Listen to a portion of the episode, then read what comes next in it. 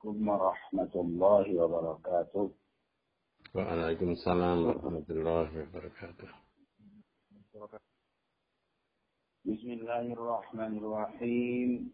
الحمد لله رب العالمين. وبه نستعين على أمور الدنيا والدين. أشهد أن لا إله إلا الله وحده لا شريك له.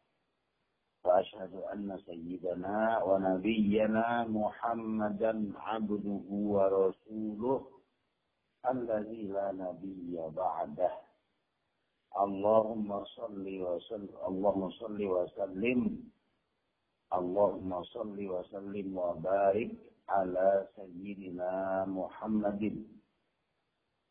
وعلى آله وصحبه ومن تبع هداه إلى يوم الدين سبحانك لا علم لنا إلا ما علمتنا إنك أنت العليم الحكيم صدق الله العظيم أما بعد الحمد لله kita berada di hari ke-10 bulan Ramadan atau di ujung dari 10 hari awal, 10 hari pertama di bulan Ramadan. Yang menurut salah satu hadis yang dikutip oleh para ulama, di antaranya dalam kitab dalam kitab-kitab Ramadan selalu menyertakan hadis ini. Itu hadis yang kalau tidak salah diriwayatkan dari Salman Al-Farisi tentang bulan Ramadan yang awalnya adalah rahmat, tengahnya adalah maghfirah, dan akhirnya adalah pembebasan dari azab neraka. Awaluhu rahmatun wa awsafuhu maghfiratun wa akhiruhu itqun minan nar. Hadis ini terkenal sekali. Tapi kemudian yang lebih terkenal adalah pendapat orang bahwa hadis ini do'if. Maksudnya hadis ini doaif dari segi sanad. Tetapi banyak hal atau alasan yang tetap membuat orang akan mengikuti hadis ini. Karena pembahasan tentang doaifnya adalah dari segi sanad. Dan doaif itu tidak bermakna sebagai palsu. Do'if itu hanyalah kelemahan jalur periwayatannya. Jadi salah satu mungkin dari para periwayatnya itu ada yang do'if atau ada yang memenuhi syarat sehingga hadis-hadis yang disampaikannya menjadi do'if di antaranya adalah lemah ingatan ketika dia sudah sepuh. Kalau di kalangan kita, kalau sudah sepuh tidak begitu kuat memorinya itu sudah umum karena sepuh.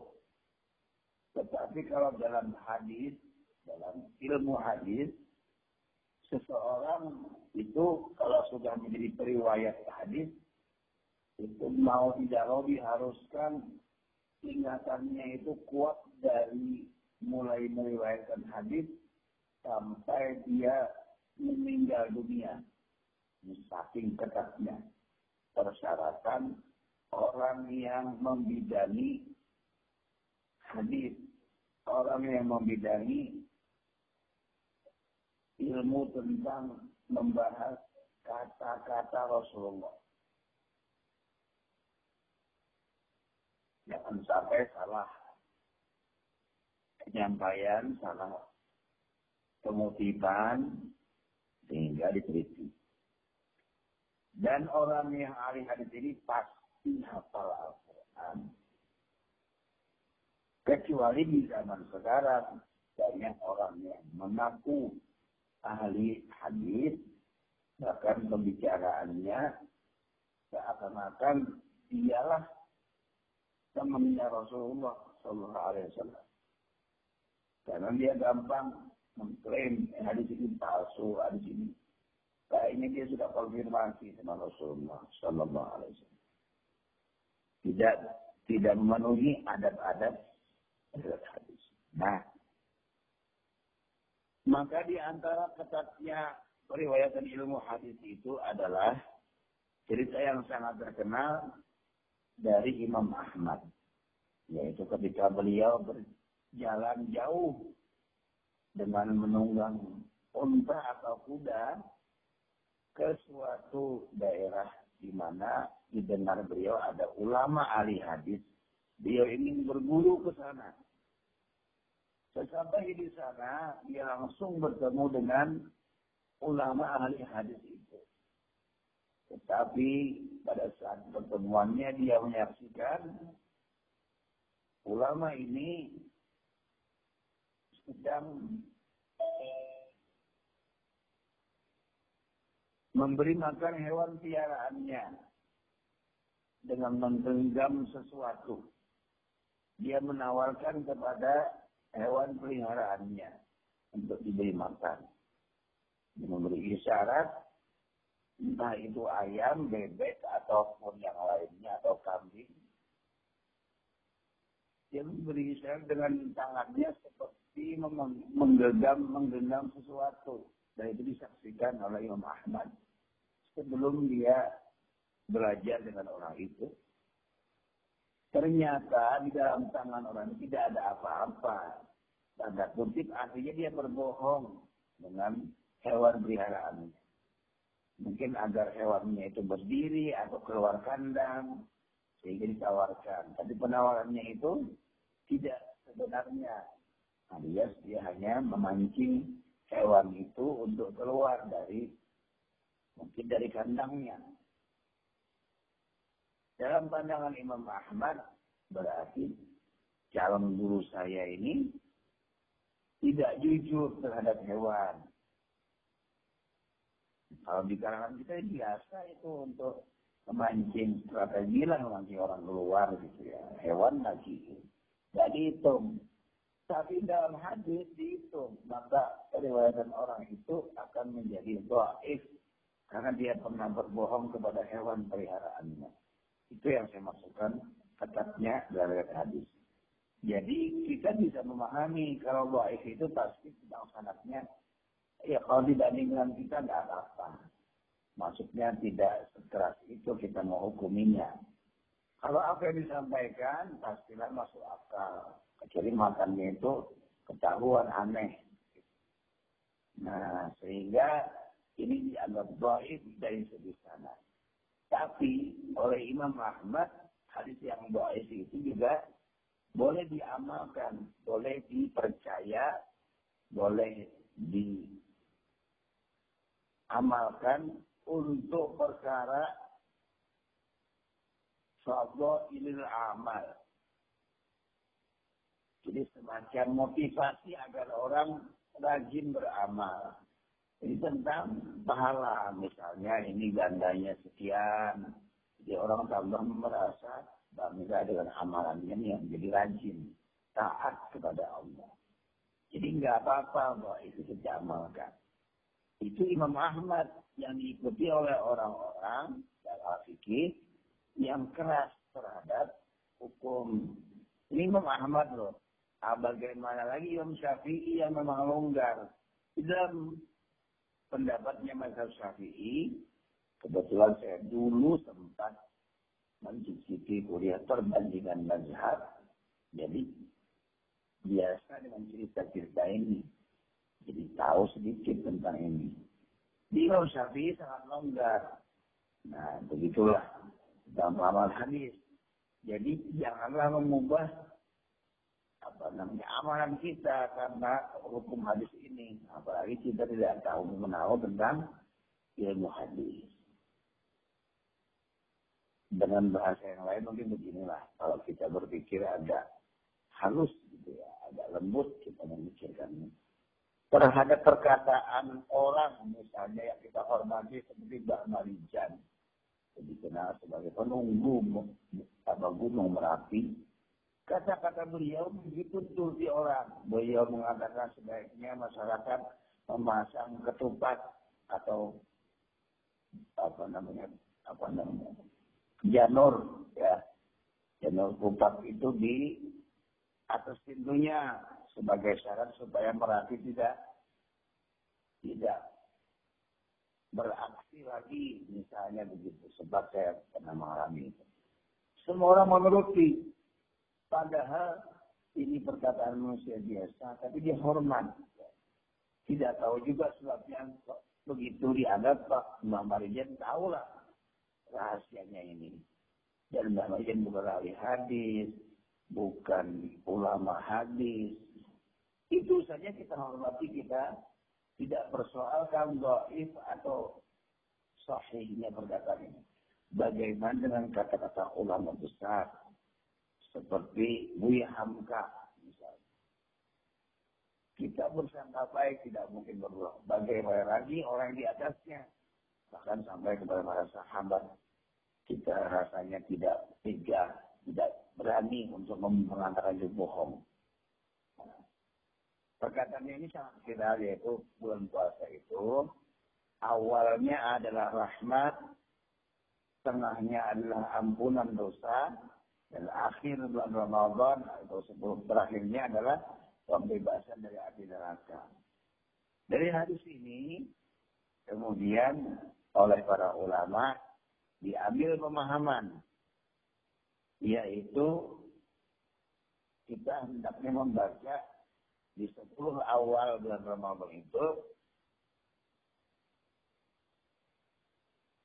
rahmat itu diminta kepada Allah. Masih berkata nih, Allahumma arhamni birahmatika ya arhamar rahimin. Bacalah sepuluh kali, kata ulama ini. Saya tidak begitu detail apakah ini ulama atau malah hadis. Mohon maaf kalau ini malah hadis. Tentang suruhan membaca Allah arhamni. Ya setidak-tidaknya kalam ulama ini supaya tidak saya juga tidak berbohong. Dan kebetulan kita hari terakhir ini sebelum awal Ramadan. Itu masyarakat di pedesaan teman saya biasa amaliannya. Dan ini kan bagus. Tanpa mempertimbangkan sahih tidaknya, ini amalan yang bagus umum. Ya Allah, saya mohon rahmat darimu. Atau ya Allah, sayangilah hamba dengan rahmatmu dan sayangmu wahai yang terbaik dalam hal memberi kasih sayang.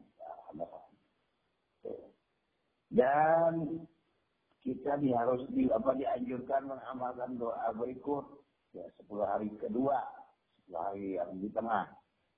Anggap ini ampunan segala dosa, maka membaca amalnya Allahumma ghafirli ya rabbal alamin. Ya Allah ampuni dosa hamba. Wahai Allah yang mengatur, yang memelihara seluruh semesta. Ya, seluruh ya semesta ya. Alam semesta. Allah ghafirli ya rabbal alamin. Dianjurkan baca sepuluh kali juga setiap hari. Nah, kalau nggak mau setiap hari harus baca seratus kali sudah. Di hari pertama takut nanti sibuk, hari kedua misalkan sibuk bisnis atau apa. Ini perkara yang sunnah saja kok. Yang baik. Kemudian di hari terakhir, karena ini pembebasan dari hati neraka, 10 hari terakhir, dianjurkan membaca kita, Ya Allah, bebaskanlah hamba dari api neraka, Allahumma atiqni Allahumma atiq riqabi min azabin nar. Ya Allah bebaskan hamba dari azab neraka. Ditambahi boleh dengan kata-kata atau dengan kalimat doa. Birahmatika ya arhamar rahimin. Begitu asal muasalnya amalan itu oleh hadis tersebut dasarnya. Ini salah satu bagian dari hal-hal kecil di bulan Ramadan. Mungkin sekarang sudah mulai ditinggalkan. Tapi kalau kita pengen menghormati Ramadan itu lebih sempurna, barangkali tidak ada salahnya kita memperhatikan hal-hal yang mungkin sudah terlupakan ini. Baca, karena ini sifatnya tidak wajib, ya coba-coba kalau pas ingat saja. Orang kan berdoa itu setiap saat. Ini dalil-dalilnya dari puasa tadi, dari hadis tadi dan karena berdoa ini juga ada dalilnya udhuuni astajib perintah itu umum berdoalah kepadaku kapan saja maksudnya mana saja termasuk di Ramadan siang kah sekali kah dua kali kah tiga kali kah yang penting astajib lakum niscaya aku akan mengabulkan permohonan kamu itu kata Allah ini tidak ada salah dan tidak ada yang perlu dipersoalkan. Baik.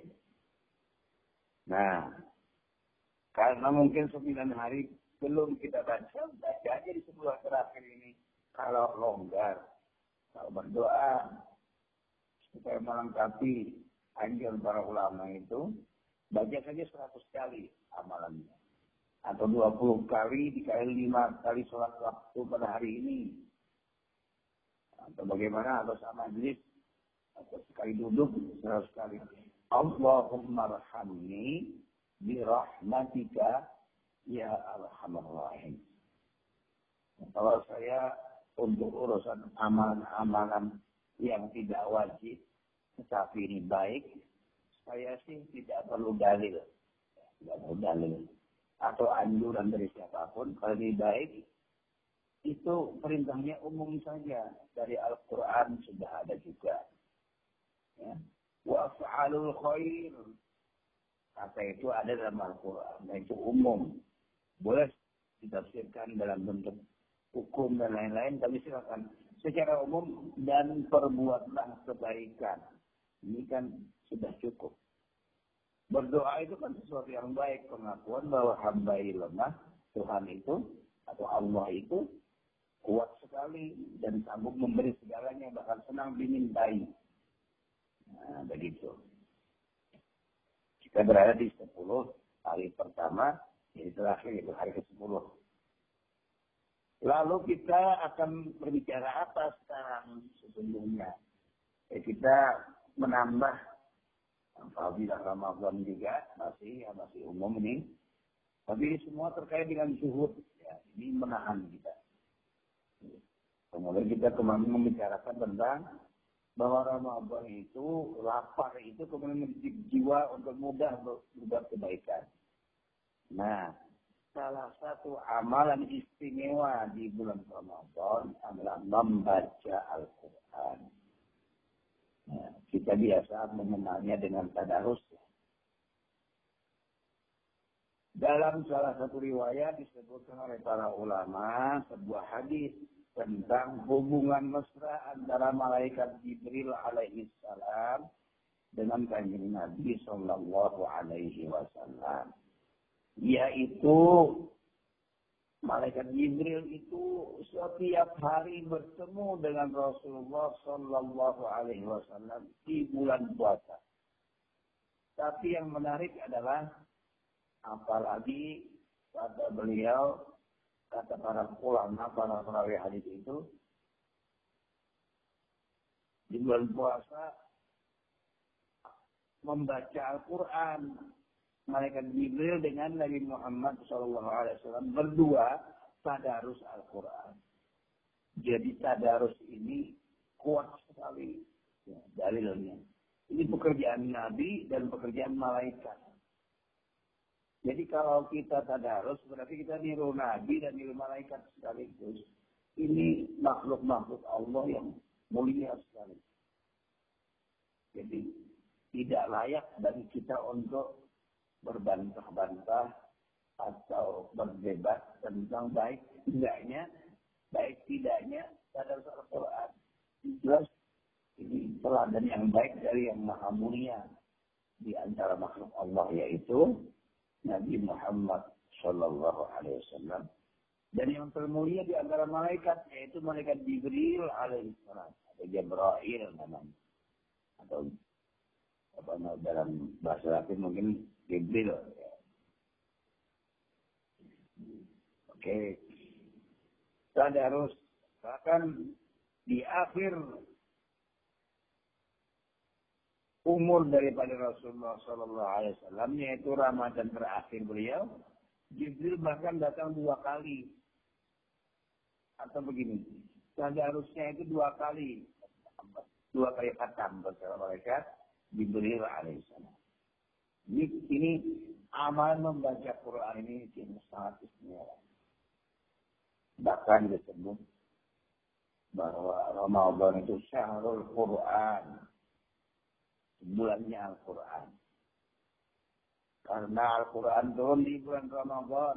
Seperti awal-awal Ramadan saya sampaikan. Yaitu tanggal 17 Ramadan itu. Apa namanya. Turun Al-Quran. Di Gua Hiro. Ya, turun yang pertama di malam Laylatul Qadar.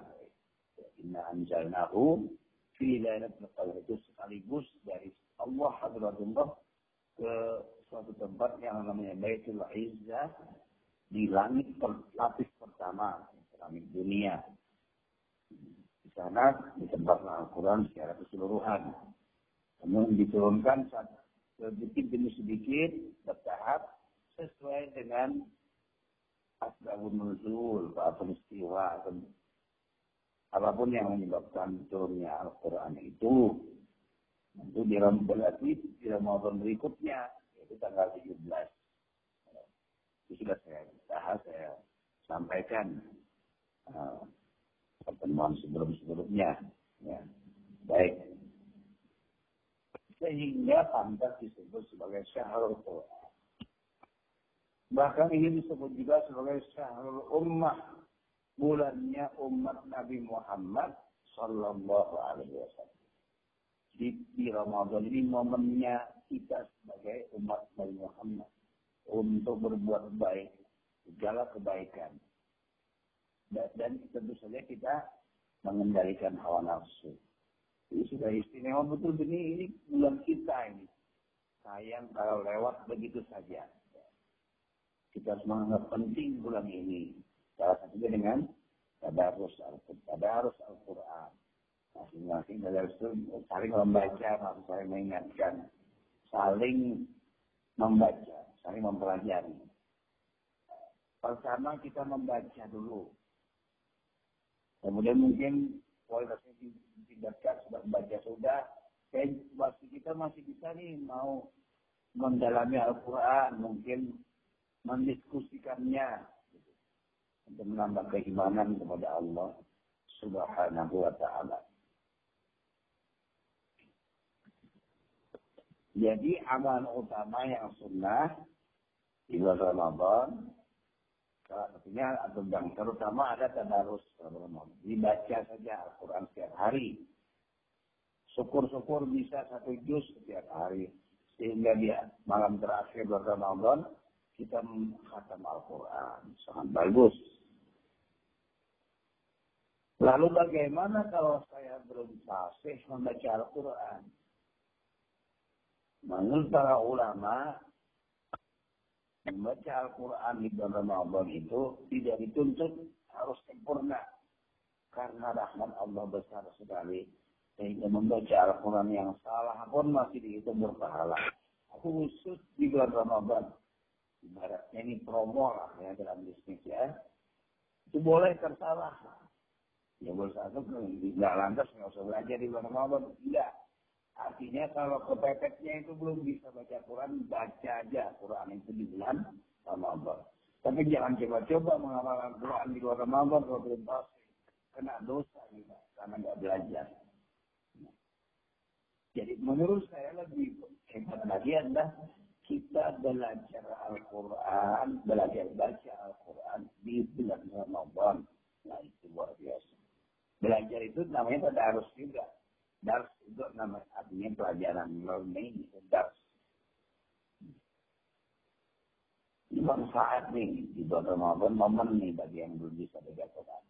Ya, diupayakan ya, walaupun sudah umur dewasa, mungkin lidah sudah mulai tidak lincah, ya, menghafalkan huruf-huruf Al-Quran ini. Tetapi karena ini adalah bagian dari kesempurnaan Islam, sunnah Rasul, amal utama, ini perlu kita pelajari. Para ulama menyebutkan sebuah hadis, dalam kita-kita hadis, di antaranya adalah khairukum man ta'allama al-Qur'ana wa 'allamahu. Sebaik-baik orang di antara kalian adalah orang yang mempelajari Al-Quran dan mengajarkannya. Jadi guru ngaji dan orang yang ngaji itu tentang Quran ini mulia. Ini khair. Ya, terbaik. Khairukum man ta'allama al-Quran fa'allamahu. Dipuji oleh Rasulullah Sallallahu Alaihi Wasallam. Ini tidak gampang, ini pasti hebat ini tentang Quran ini. Di hadapan Rasulullah itu berarti betul orang yang mengaji atau belajar dan mengajarkan Al-Quran. Dari situ kita bisa mengukur kemuliaan ya, Kiai saya lupa namanya itu yang pasien. Ya. Al-Azim, lupa di ujung lidah. Mulia beliau hafiz Al-Quran. Demikian juga yang lain-lain yang hafal Al-Quran. Seperti yang ngaji, itu khairukum. Itu sudah sabda Rasulullah Sallallahu Alaihi Wasallam. Kalau yang sudah pasti baca Quran, tetap dibaca Qurannya bulan Ramadan, tinggalkan lagi kemampuannya mempelajari ilmu Al-Quran seingat saya, sebatas pengetahuan, pernah saya membaca, ada 17 disiplin ilmu Al-Quran setidak-tidaknya. Ada 17 ilmu yang terhubung dengan ilmu Al-Quran. Seperti ilmu tajwid, ilmu membaca Al-Quran dengan indah, ilmu tafsir, tentang mukjizat Al-Quran yang aneh dalam hal bahasa dan Al-Quran. Al-Quran sendiri dibaca dalam 17 gaya bacaan. Maaf, 7 gaya bacaan. Namanya kiroah sabah. Gaya bacaan, 7 macam gaya bacaan Al-Quran. 7 itu saja. Itu menurut imam besar ahli Quran baca Al-Quran Ketujuh. Bacaan induk Al-Quran. Nanti ada lagi murid beliau dua meriwayatkan bacaan yang berbeda. Kalau tujuh, masing-masing muridnya dua saja. Ada ada 14 baca gaya bacaan. Jadi sangat luas. Adapun yang kita baca selama ini dan umumnya dimusabakahkan di internasional, itu namanya bacaan riwayat apa Imam Hafaz Asim Hafaz dari Asim. Hafs Abu apa Imam Hafaz Hafsin Imam Hafaz. Eh, nama orang ini beliau muridnya Asim Al-Kufi. Asim Al-Kufi ini meriwayatkan bacaan ini dari Osman bin Affan. Dari jalur Osman bin Affan dari Rasulullah Sallallahu Alaihi Wasallam. Bisa rata-rata kita Imam Asim. Imam Asim muridnya dua. Satu Hafs, Hafsin, Hafaz, dua Abu Syu'bah. Jadi Imam Asim gaya bacanya dua. Tetapi yang masyhur adalah riwayat Hafaz dari Asim. Yang kita baca selama ini. Yang ditulis dengan apa namanya dengan bacaan gaya asing itu. Jadi jangan salah, kita kan bayarnya di sini bima kanu yakribun. Dalam bacaan yang lain bisa jadi bacaan itu adalah bima kanu yukazibun. Tapi paketnya beda. Kayak bacaan. Orang harus belajar dan bersanat. Untuk arti. Tidak salah. Artinya ada legitimasi, rekomendasi guru-guru yang urut ditulis apa namanya sampai nama terakhir adalah nama Rasulullah Shallallahu Alaihi Wasallam. Sanat maksudnya bersambung. Tapi kalau kita yang umum ini belajar umum itu yang riwayat asim. Insya Allah tidak tidak begitu rumit kalau Al-Quran sih. Yang yang sering diajarkan dan viral umum dunia ini adalah riwayat asim. Jadi jangan aneh, jangan merasa aneh. Kita sering lihat atau, atau dengar bacaan para ahli baca Al-Quran atau Qari membaca misalkan dengan um, akhiran e wadduhi walaili ila sajid itu salah satu gaya bacaan Al-Quran bukan salah dia kalau kita yang tidak tahu sih mungkin kalau itu salah bacaannya syau wadduha walaili ila saja. Salah satu keluasan ilmu Al-Quran.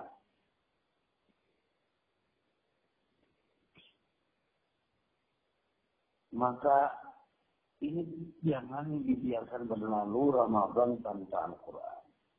Dikatakan oleh ulama karena disebut syahrul syahrul syahrul ummah al-Muhammadiyah bulannya Nabi Muhammad, bulannya umat Nabi Muhammad dan Ramadan ini, maka amalan yang paling utama, amalan sunnah, selain tarawih itu adalah sesungguhnya membaca Quran di bulan Ramadan.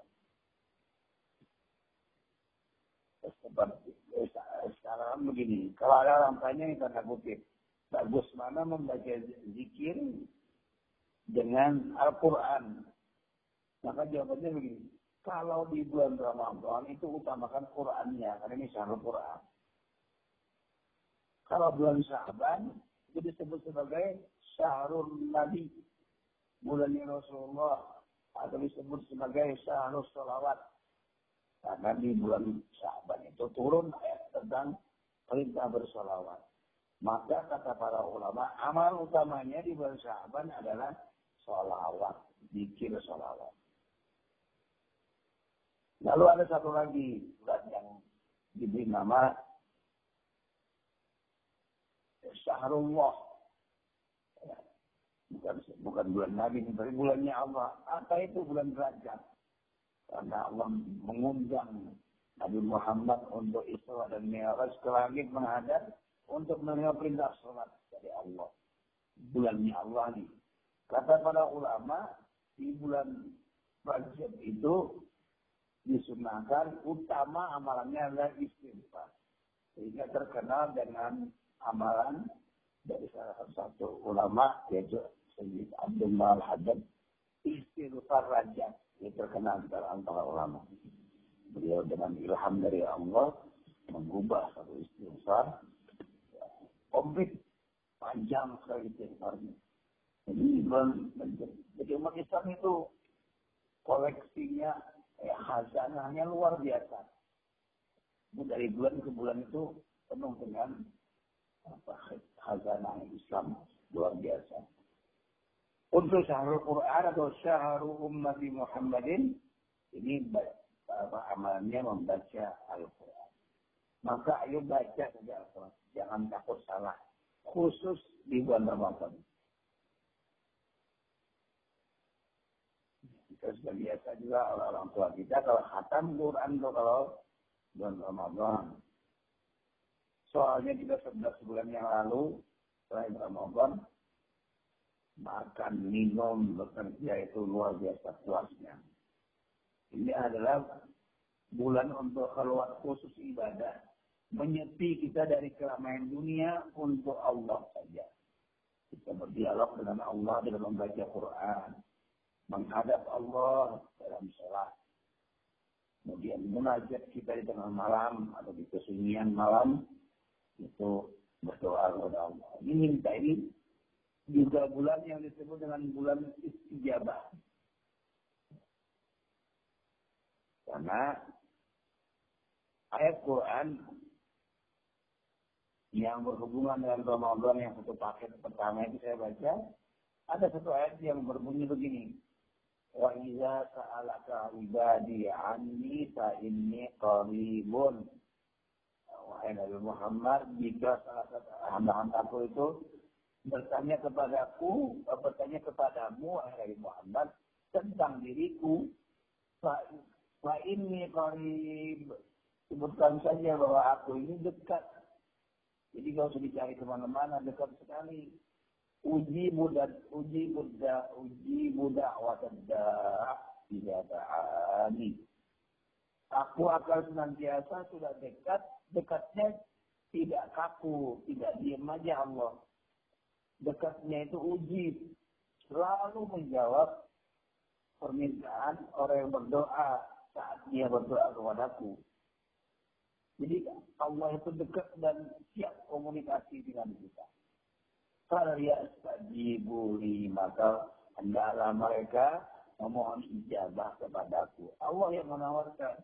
Makanya dulu saya pernah menyampaikan Allah itu tidak hanya kaya, tetapi suka memberi dan marah atau kalau tidak diminta. Allah itu kaya, suka memberi, dan marah kalau tidak diminta. Jadi kita sebagai hamba yang paling betul minta saja. Ya mintanya dengan cara-cara yang bermacam-macam. Melalui lihat bekerja di tempat kerja kita itu masukkan apa termasuk dari gaya kita minta kepada Allah sebagai ikhtiar. Nah, di bulan Ramadan kita polkan doa-doa kepada Allah. Doanya untuk apa? Untuk bulan berikutnya kita minta keselamatan, minta kesehatan, panjang umur, semua diminta. Dan minta semua yang kita minta itu agar berkah, ya, bermanfaat untuk masa depan kita sampai ke akhir nanti. Jangan lupa itu jangan minta untuk saat ini saja. Nah, bacalah Al-Quran. Perintah pertama kepada Muhammad saat Quran itu turun adalah Iqra bacalah. Kalau tidak mau berdebat tentang apa maksud baca, maka cukup kita lakukan. Baca saja Al-Quran. Sudah cukup.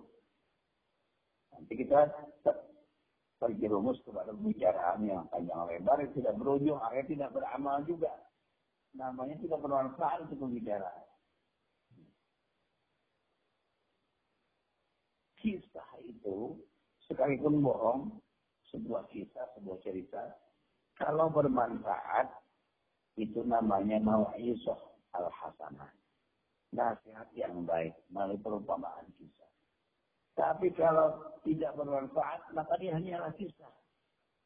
Sudah, mungkin penghibur. Manfaat juga namanya. Masih bermanfaat, bermanfaat untuk kehidupan agama.